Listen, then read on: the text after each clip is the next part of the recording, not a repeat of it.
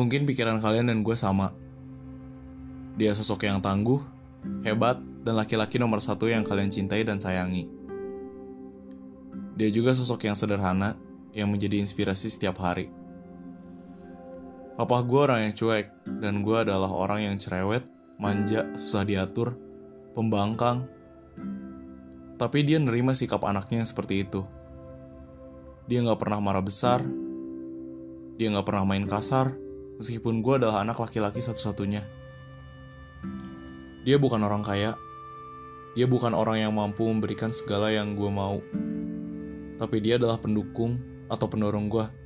Di saat gue ingin sesuatu, dia selalu bilang kalau gue harus usaha, sabar, juga berdoa. Alhasil, semua itu akan terwujud dengan berjalannya waktu. Dulu mama pernah bilang kalau keluarga kita nggak akan kuat dan gak akan sanggup buat biayain gue kuliah. Karena saat itu, kondisi kerjaan papa lagi down-downnya banget. Saat itu gue hanya bisa diem dan berusaha nerima kalau takdir gue memang harus kerja. Kerjaan papa semakin turun. Di situasi itu, papa gak pernah nyerah. Papa terus-terusan berusaha dengan memaksimalkan waktu buat dia kerja, sampai-sampai papa jatuh sakit. Kenapa sih, Pak? Kenapa papa harus begitu kerasnya buat aku? Gue kadang berpikir, sedangkan apa yang gue lakuin itu gak sebanding. Beribadah, buat kedoain dia aja gue susah. Kamu harus kuliah, papa akan berusaha lebih keras. Tiba-tiba, itu tergelintir dari mulut laki-laki itu. Kenapa sih, Pak? Papa aneh banget tau. Semakin hari, Papa semakin jarang pulang karena kerjaannya. Hanya via WhatsApp saja jalur komunikasi antara gue dan Papa. Jaga Mama. Jangan pulang malam-malam kalau main. Hemat uang. Jangan mabok. Ya, kurang lebih seperti itulah kata-kata dia setiap hari. Setiap bulan, setiap papa pulang, pasti ada aja pertengkaran yang terjadi antara mama dan papa. Kenapa sih, Pak?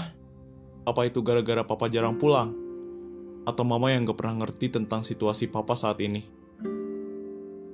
Melihat Papa tidak saling bertanya dengan Mama, melihat Papa dan Mama saling tidak bertatap muka, rasanya tuh, ya, kalian tahu dan bisa merasakannya sendiri kan?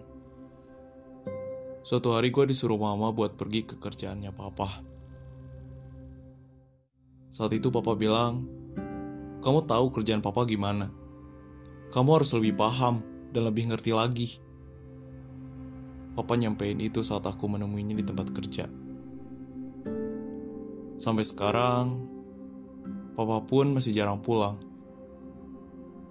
Pah, sebenarnya ada banyak hal yang ingin diceritain ke papa. Tapi sekarang, aku ngerti pah keadaannya gimana. Semoga papa sehat selalu dan dilindungi oleh Tuhan. Upi sayang papa. Dan semoga kalian yang mendengar cerita gue tentang papa bisa ngejadiin kalian tambah sayang sama papa kalian.